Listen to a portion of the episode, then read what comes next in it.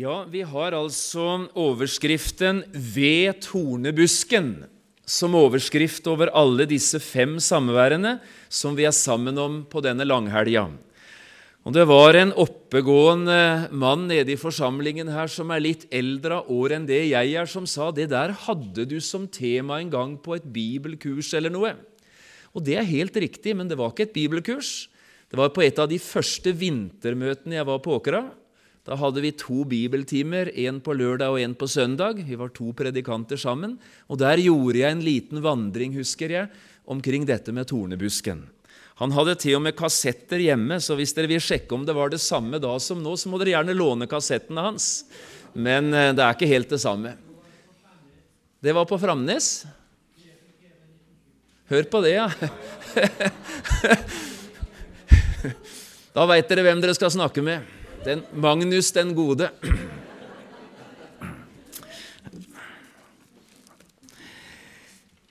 Denne andre samlingen skal vi forsøke å være stille framfor Han som en dag bar tornekronen.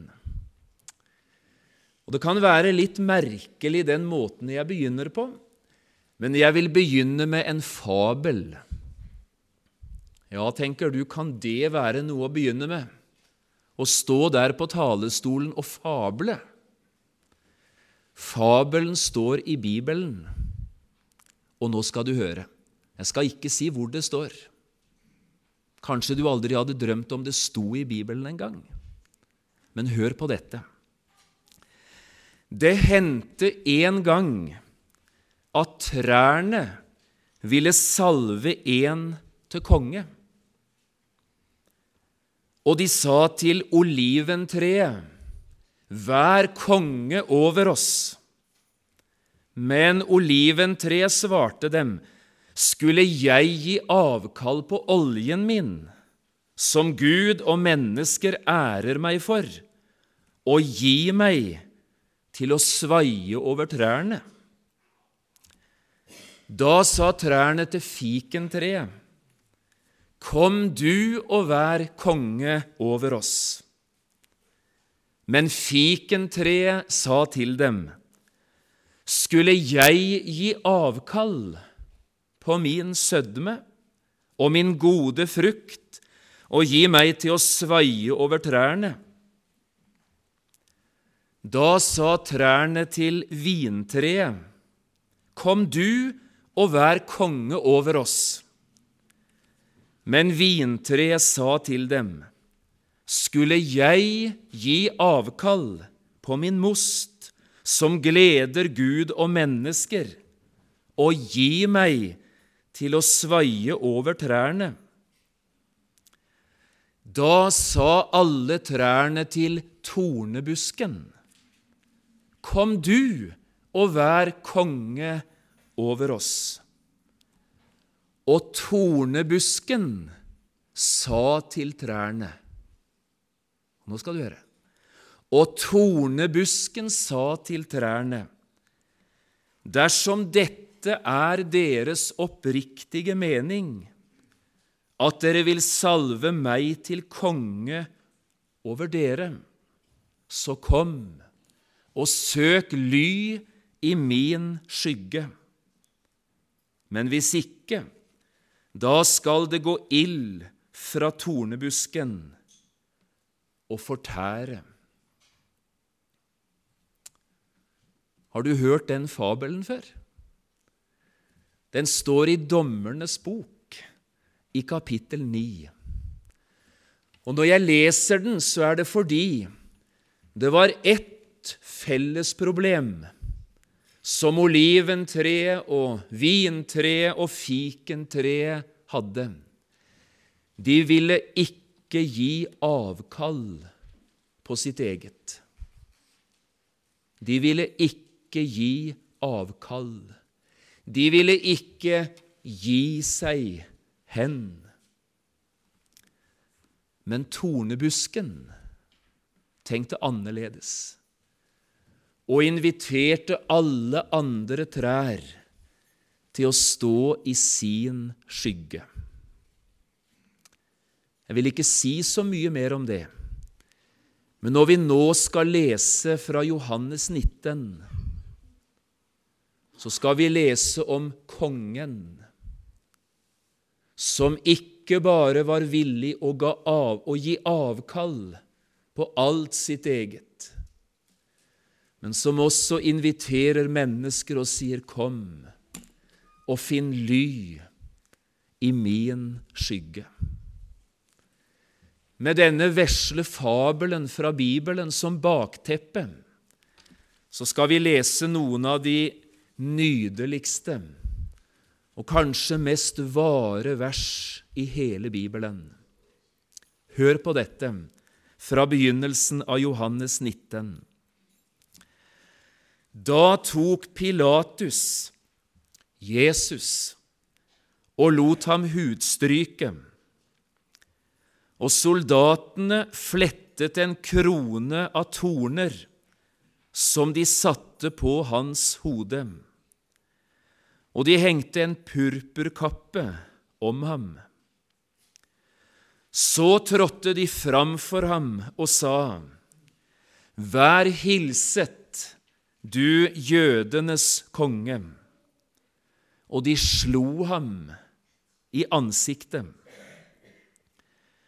Pilatus gikk da ut igjen og sa til dem, Se, jeg fører ham ut til dere for at dere skal vite at jeg ikke finner noen skyld hos ham.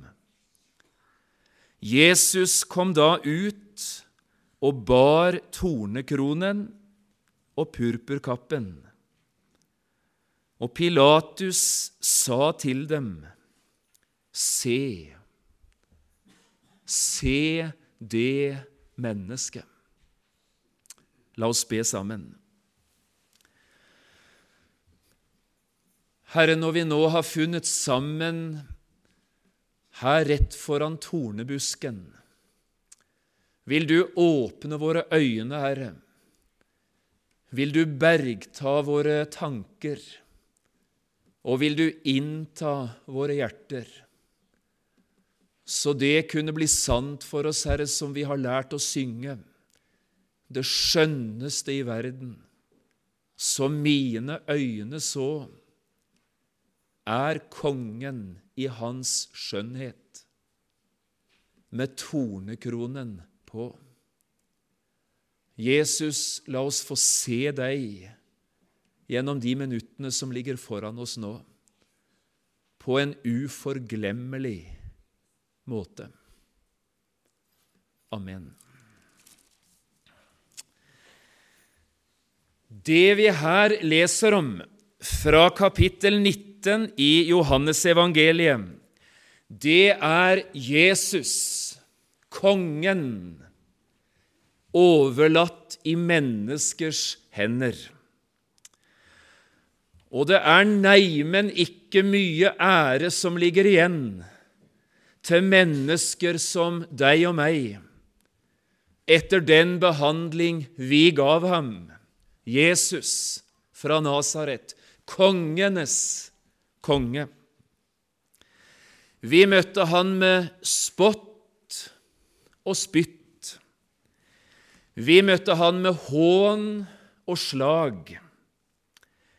Vi møtte han med knyttnever, med rør og med pisk, med harde ord, harde slag og harde hjerter. Dette er mennesker når de virkelig utfolder seg i sin naturlige innstilling til Jesus. Vi møtte han med tau og med lenker og med nagler, og vi førte han til kors og død, og vi presset den lengste av alle fredager en krans flettet av torner om hodet hans. Og vi presset det ned for å vanære han, for å skjende han, for å tråkke på han, og for å løfte han fram som den store gudsbespotteren i verden. Er det noen gang et menneske har avslørt hva som bor i mennesker, så var det den mørke og lange fredag. Når vi er ved tornebusken denne fredag kvelden, står vi altså ansikt til ansikt, ikke bare med den tornekronte. Vi står også ansikt til ansikt med oss selv, med vårt eget hjerte og med vår egen gudfiendtlige natur. Vi kan like det eller ikke like det, men det var slik vi mennesker var.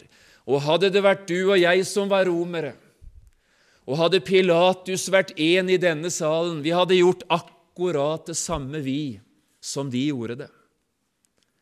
Det er ingen som tjener i å distansere seg og si 'så forferdelig de behandlet Jesus'. Det var vi som behandlet han slik. Og enda elsker han oss. Enda forteller han oss at det er slike som oss han vil befolke himmelen med, og at det var slike som oss han hadde i tankene den dagen han ga avkall på sitt eget den dagen han tok av seg tjenerens drakt, tok av seg kongedrakten, og i stedet tok en annen tjenerskikkelse på seg, den han skulle være kledt i helt fram til denne dagen. Den tornekronte. Den svenske sangforfatteren og redaktøren Sven Lidman skrev da han var 36 år gammel, den eneste sangen vi har med hans signatur i vår sangbok. Og det var først i den siste sangbokutgaven Sven Lidman kom inn med disse fire versene. I Sverige ble det sagt om Sven Lidman og om denne sangen om Sven Lidman hadde skrevet bare denne ene sangen, ville det være mer enn god nok grunn for hele det svenske kristenfolk å takke Gud for Sven Lidman. Vet du hva Sven Lidman skrev om? Han skrev om tornekransen i en sang som han kalte for Salighetens gåte. Hør på dette. Og underfulle salighet og Kristi tornekrone, som mer enn verdens visdom vet, og hver en synd kan sone. Jeg treder nå til korset fram fra syndens land meg vender, og gir min sjel liksom et lam i Jesu frelserhender.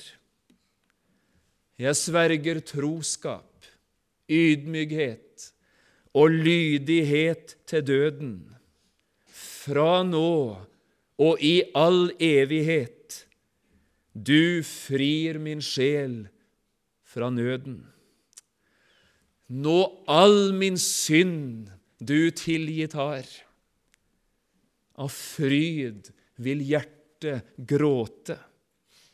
Jeg er ditt barn. Du er min far.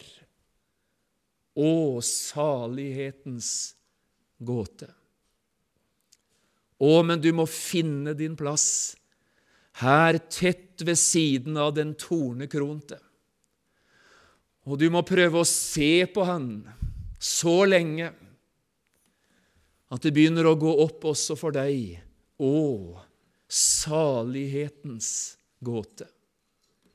Det har med en tornekrans flettet av brutale romerske soldathender å gjøre.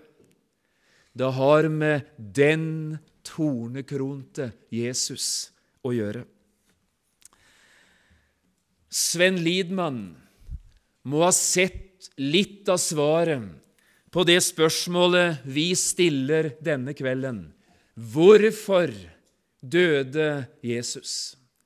Jeg antyda jo i går at disse fem stoppestedene vi skal gjøre ved tornekransen, de handler om fem brennaktuelle spørsmål.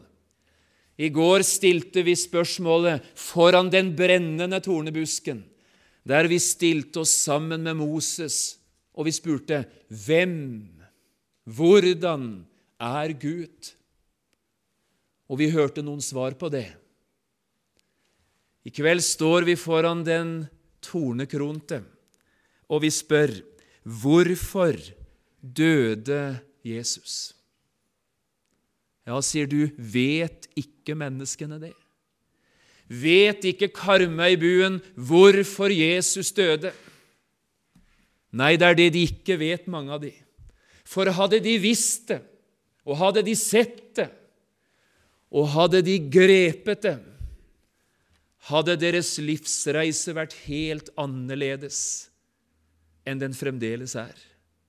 Og du og jeg har et ansvar, og vi har en mulighet til fremdeles å ta mennesker med bort til den tornekronte, peke på han og si 'Derfor døde Jesus'. Når vi er på møter som dette her, så er vi her både for å oppleve noe, for å dele noe, men også for å lære noe. Og det som nå kommer, er de fem svarene på spørsmålet vårt i kveld som jeg har roet meg med. Og det er det du skal ha med hjem, både for ditt eget hjerte, men også med tanke på de menneskene du skal møte i morgen. Og kanskje en av dem trengte å høre hvorfor Jesus døde. Hvorfor døde Jesus? 1. Fordi det var bestemt i himmelen lenge før langfredagen, ja, lenge før verden ble skapt. Bibelen sier 'før verdens grunnvoll ble lagt'. Når vi leser Johannes 19, så får vi en slags følelse av at det er Pilatus eller Herodes eller Det høye råd eller eh, romerske soldater eller en skrikende mobb, en folkemengde. Det er de som har regien i langfredagsdramaet. Det er deres skyld at Jesus døde. Og i én forstand er nok det riktig. Men hvis vi ikke har mer å si om saken enn det, så blir alt helt galt. Jo, det er rett at den romerske landshøvdingen denne dagen risset sin, sitt navn inn i verdenshistorien. Over den ganske jord sier vi i alle fall én dag hver uke pint under Pontius Pilatus.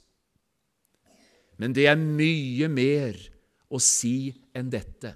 Og nå skal du følge nøye med. Blar vi bitte lite grann lenger ut i Bibelen enn til Johannes 19, så kommer vi til apostelgjerningene 4. Her har de første kristne et bønnemøte, en bønnesamling, etter de har vært forfulgt og forhørt og mishandlet og truet. Så kommer de sammen, og så løfter de sine hjerter til Gud. Og bønnen de ba, er bl.a. denne. Hør på dette her. Apostelgjerningene 4,26. Jordens konger steg fram. Høvdingene slo seg sammen mot Herren og mot Hans salvede. Ja, i sannhet, i denne by, altså i Jerusalem, i denne by, samlet de seg mot din hellige tjener Jesus som du salvet, både Herodes og Pontius Pilatus, sammen med hedningene og Israels folk, for å gjøre det som du og ditt råd forut hadde besluttet skulle skje. Vi kan vikle oss inn i noen vanskelige tanker akkurat her. Vi kan spørre trengte Gud en Pilatus? Hadde Gud bruk for forræderen Judas? Hva om de ikke hadde sviktet? Det blir for vanskelig for min lille tanke. I stedet vil jeg legge meg til ro i dette. Det var ikke det høye råd i Jerusalem som hadde besluttet det som skjedde med Jesus. Det var besluttet i den høyestes råd, i et himmelsk rådsmøte, der Faderen, Sønnen og Den hellige ånd gjorde et enstemmig vedtak om at han, Sønnen, skulle bli verksmesteren for hele det store frelsesverket. Hvorfor døde Jesus? Ikke fordi Gud tapte mot overmakten, men fordi Herren selv hadde besluttet det var slik det skulle skje. Han hadde problemer med å forstå dette, Peter, da Jesus de første gangene begynte å tale om sin lidelse og død. Men seinere skal jeg fortelle at lyset gikk opp. Og jeg tenker f.eks. på 1. Peters brev, kapittel 1. Og Nå skal jeg sitere noe av det fineste som er sagt om Jesus i hele Bibelen. Senk skuldrene der du sitter nå, og hør disse ordene enda en gang. Vers 18. For dere vet at det ikke var med forgjengelige ting, med sølv eller gull, dere ble kjøpt fri fra den dårlige ferd som var arvet fra fedrene. Sølv og gull hadde aldri vært tilstrekkelig pris. Så kommer vers 19. Men med Kristi dyrebare blod, som blodet av et feilfritt og lyteløst lam. Og så slutter vi ofte sitatet der, men hør nå på vers 20. Han var forutkjent. I Bibelselskapets oversettelse så står det han var bestemt til dette før verdens grunnvoll ble lagt. Det var gjort kjent noe i himmelen som i Guds time ble fullbyrdet i denne verden. Og Når jeg nevner det på denne måten, så er det for å si det er ikke dine bønner som har satt Gud i bevegelse. Det er ikke din nød sånn som du opplever det nå, som har begynt å bevege himmelen. Før din nød, før din bønn, lenge før du i det hele tatt så dagens lys, var du i Guds tanke som et objekt for hans kjærlighet, og han så det, og han tenkte, jeg makter ikke tanken på at en slik juvel skal gå tapt. Og så ble frelsesplan og frelsesverk besluttet. Ser du det? Hvorfor døde Jesus? Fordi Gud ville det. Fordi det var bestemt i himmelen det er fullbrakt. Hva er fullbrakt? Det som himmelen hadde besluttet. To. Hvorfor døde Jesus? Han døde fordi han selv ville det. Også den tanken syns jeg er en skjønn tanke. Vi er gjerne tankeløse, men vi sier av og til at på langfredag tok de livet av Jesus. Bibelen framstiller det aldri på den måten. Det var ingen som verken kunne eller hadde mulighet til å ta livet av Jesus. Jesus ble ikke tatt livet av. Jesus satte livet til. Jesus gav sitt liv simpelthen fordi han ønsket det. Simpelthen fordi han elsket og ville. og på grunn av et indre driv ikke kunne la det være. Ja, spør du, står det sånn i Bibelen som du sier nå? Ja, det gjør det. Og han som sier det, det er Jesus selv. Jeg skal bare lese to av, av versene fra Johannes 10, og så trenger vi ikke være i tvil. Vers 17 og vers 18. Hør hva Jesus sier. Det er like etter han har talt om seg selv som den gode hyrden, som den som setter livet til for sauene. Derfor elsker Faderen meg, Johannes 10, 17, fordi jeg setter mitt liv til for at jeg skal ta det igjen. Ingen tar det fra meg, men jeg setter det til av meg selv. Jeg har makt til å sette det til, og jeg har makt til å ta det igjen. Hvorfor døde Jesus? Han døde fordi han selv ville det. Den gode hyrde setter sitt liv til for sauene. Det var ingen som tvang han. Han var ikke under press. Det var ikke sånn at han ikke så noen annen mulighet. Han satte det til av seg selv. Kjærligheten har alltid med frivilligheten å gjøre. Og jeg har så lyst til å si du er elsket for din egen del, akkurat som den du er. Du er ikke elsket som den du skulle ha vært, men som den du er.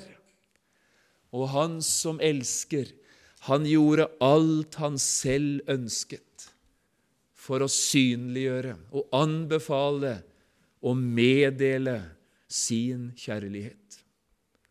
Er det noe som er frivillig i denne verden, så er det Hans kjærlighet som står der med tornekronen på. Ser du han? Han valgte selv den veien, og han gikk den til siste dråpen.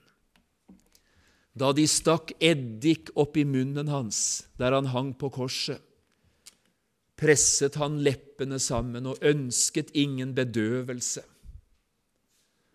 Og da de kom for å forkorte dødsprosessen ved å prøve å bryte benene hans, så så de han var allerede død.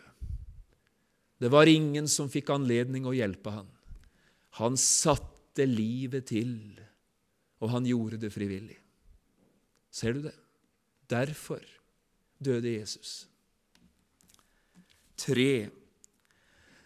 Jesus døde for at du og jeg skulle få slippe det. Hørte du det?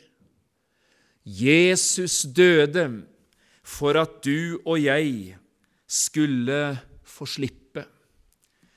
I den samme borgen der Jesus står ansikt til ansikt med landshøvdingen Pilatus, fantes det ei dødscelle kanskje flere. Og i det innerste fangerom satt en av dem som skulle ha dødd, straffen for sin egen misgjerning. Han het Barabas. Men da den tornekronte døde, var det for at mannen i dødscella, som hadde fortjent den døden, skulle få slippe det. Hvorfor døde Jesus? For at Barabas, for at John, for at du skulle slippe. Den skyldige ble gjort skyldig for at den skyldige skulle bli behandlet som om han var uskyldig. Ser du det? Derfor døde Jesus. Av og til så lager vi trykksaker i fire fargers trykk. Og det må vi betale en del mer for enn om det bare skal være svart-hvitt. Hvordan kan vi vite at det virkelig er evangeliet som blir forkynt?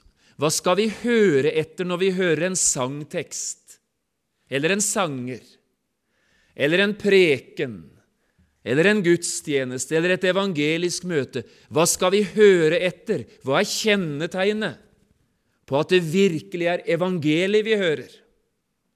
Svaret på det er følgende det er når det males et bilde av Jesus i fire fargers trykk. Og Nå skal jeg sette ord på hvilke farger det er. Og det er det viktigste du skal ha med deg hjem når det gjelder dette å vurdere kristen forkynnelse og kristen virksomhet. Det er alltid fire ting som kjennetegner et fulltonende evangelium om Jesus. Og det er når disse fire tonene klinger, det er da evangeliet strømmer fram. Én det var ufortjent, uforskyldt. Det var av nåde. Når forkynnelsen plasserer det der, ufortjent, uforskyldt, av nåde, helt uten min fortjeneste og innvirkning, da er vi på sporet av evangeliet. Ufortjent. To.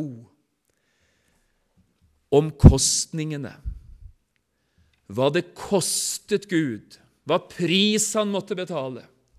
Det kostet Jesu dyre blod å frelse meg en dag. Når vi får høre det var ikke med sølv eller gull, men ved Kristi dyre blod vi ble kjøpt fri, da er vi på sporet av evangeliet.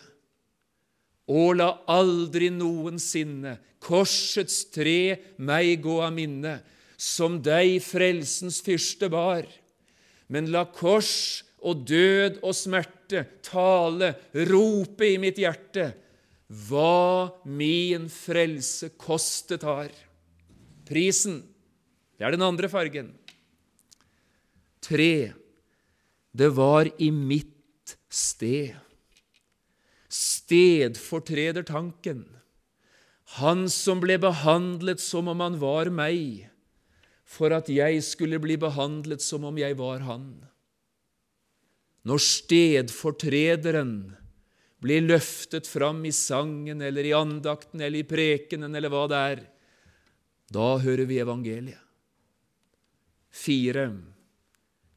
Tenk det var for meg. Det personlige. Det gjaldt ikke bare de andre, det er ikke bare en teoretisk sak. Tenk det var for meg, og tenk at det var for meg. At Kristus på krossen hang, det var for meg. Så kan vi prøve oss på det. Er det det vi formidler til våre medvandrere på livsreisa? Er det det vi løfter fram i det vi synger? Er det det som er de fire fargene når vi skal male Jesus for menneskene? Ufortjent, prisen, i mitt sted, for meg. Det blir utrolig godt å være sammen i et kristen fellesskap når de tonene lyder, når evangeliet klinger fulltonende. Vet du hva vi har bruk for i dag? Vi har bruk for nye sangkrefter, nye forkynnere, en ny generasjon som reiser seg med disse tonene i et etterkristent Norge, evangeliet om Jesus. Hvorfor døde Jesus? Han gjorde det så jeg skulle få slippe. Og så vil jeg ganske snart lande, men jeg hadde to enkle setninger til som jeg kommenterer til slutt. Fire. Hvorfor døde Jesus? Det var for å betale min gjeld. Jeg sto med et forferdelig gjeldsbrev, og jeg var aldeles uten mulighet til å kunne gjøre opp for meg ved den himmelske skranken. Hvorfor døde Jesus? Han gjorde det for å betale min gjeld. Det var sant det Pilatus sa her i Johannes 19. Jeg finner ingen skyld hos ham. For han hadde ingen skyld. Det var ikke én regning å betale fra hans livsreise. Og det Pilatus så, det var det samme som himmelen så. Det var ingen skyld hos ham. Men det var derfor han kunne betale min gjeld, min skyld, mitt ubetalelige gjeldsbrev. Jesus ble døpt to ganger. Og jeg er ikke sikker på at noen av gangene er rett forstått hos mange kristne. Den første gangen ble han døpt i Jordan, og den andre gangen ble han døpt på Golgata. Først ved en vanndåp, og så en lidelsesdåp. Av og til sier noen i dåpsspørsmålet vi må døpes med den dåp som Jesus ble døpt med. Det er det enkleste de kan si for å fortelle at de har ikke forstått noe av hva Jesu dåp er. Det fins ikke et menneske i denne verden som kan døpes med den dåp Jesus ble døpt med i Jordan. Se for deg situasjonen, og hør på dette, for dette er viktig. Det sto en kø av mennesker ved elven Jordan. Johannes hadde prekt omvendelsens dåp til syndenes forlatelse. Vekkelsesilden brant. Mennesker var i syndenød. Og nå kom de for å overgi seg til Gud. Døpes i Jordan, avlegge det gamle liv og bli oppreist til et nytt liv. De kom som en svær sekk på ryggen, hele bunsen. Og Så ble de døpt, og så sto de opp uten sekk og med rak rygg og fikk gå videre i et nytt liv. Men så sto det én en dag i køen. Han hadde ingen sekk på ryggen. Og Johannes aner at dette er en som er annerledes. Og da Jesus sier, 'Jeg vil gjerne la meg døpe av deg, Johannes, i Jordan', så nekter Johannes og sier, 'Du kommer til meg for å bli døpt. Det er jeg som må bli døpt av deg.' Og så svarer Jesus, 'La det skje'. Se på dette bildet. Han står der uten noen sekk på ryggen, for han hadde ingen synd. Han hadde aldri gjort noe galt.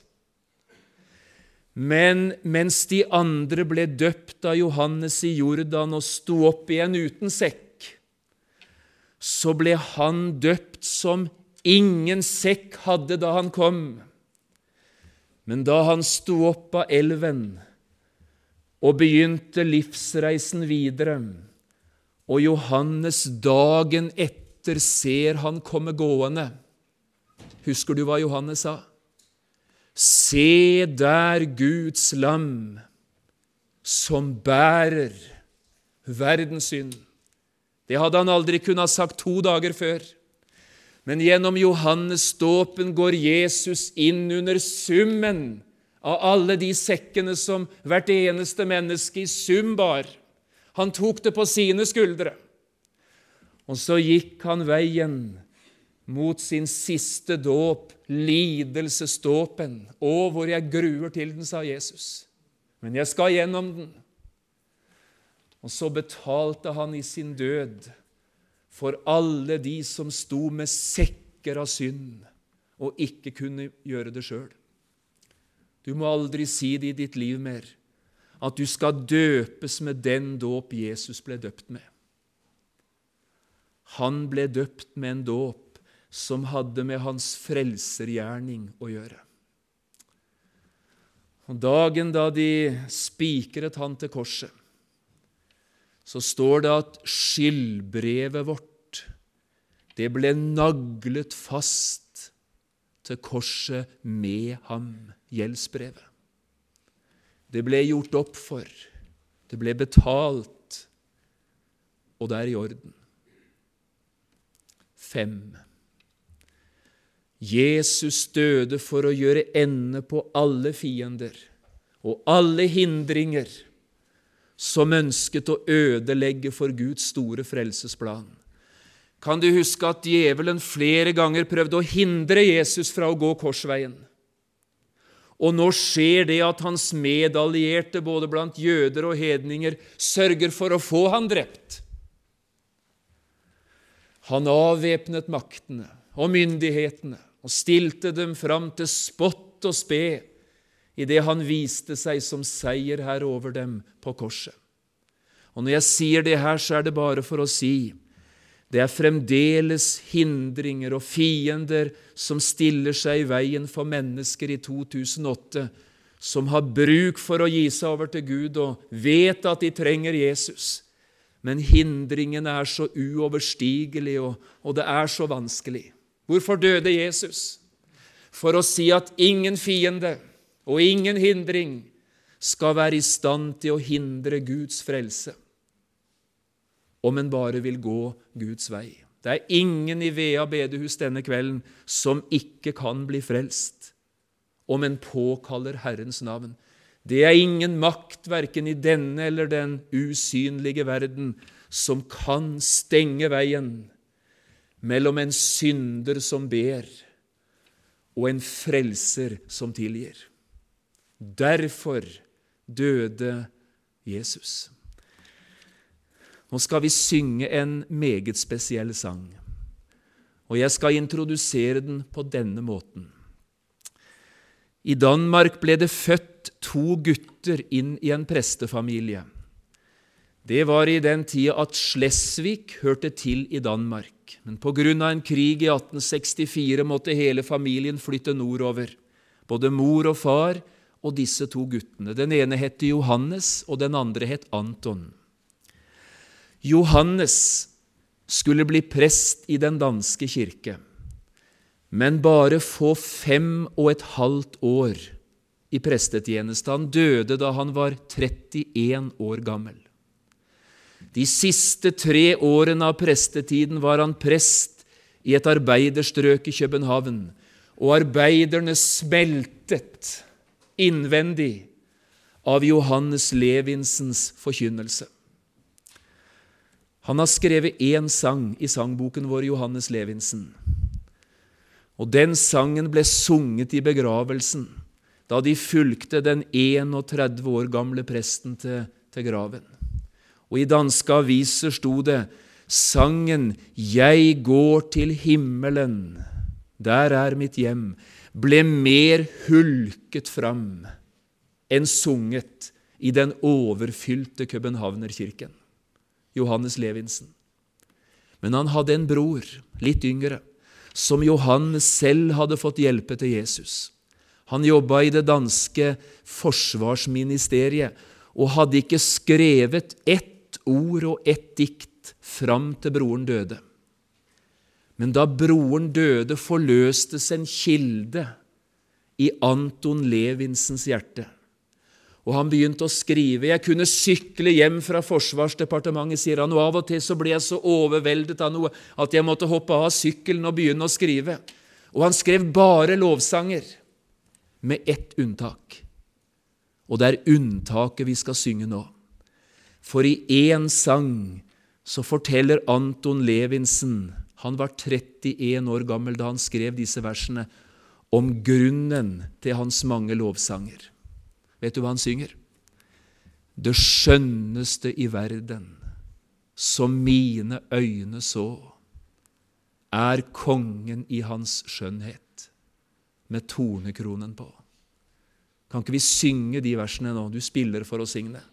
Skjønneste i verden. Den står på nummer 64 i sangboken.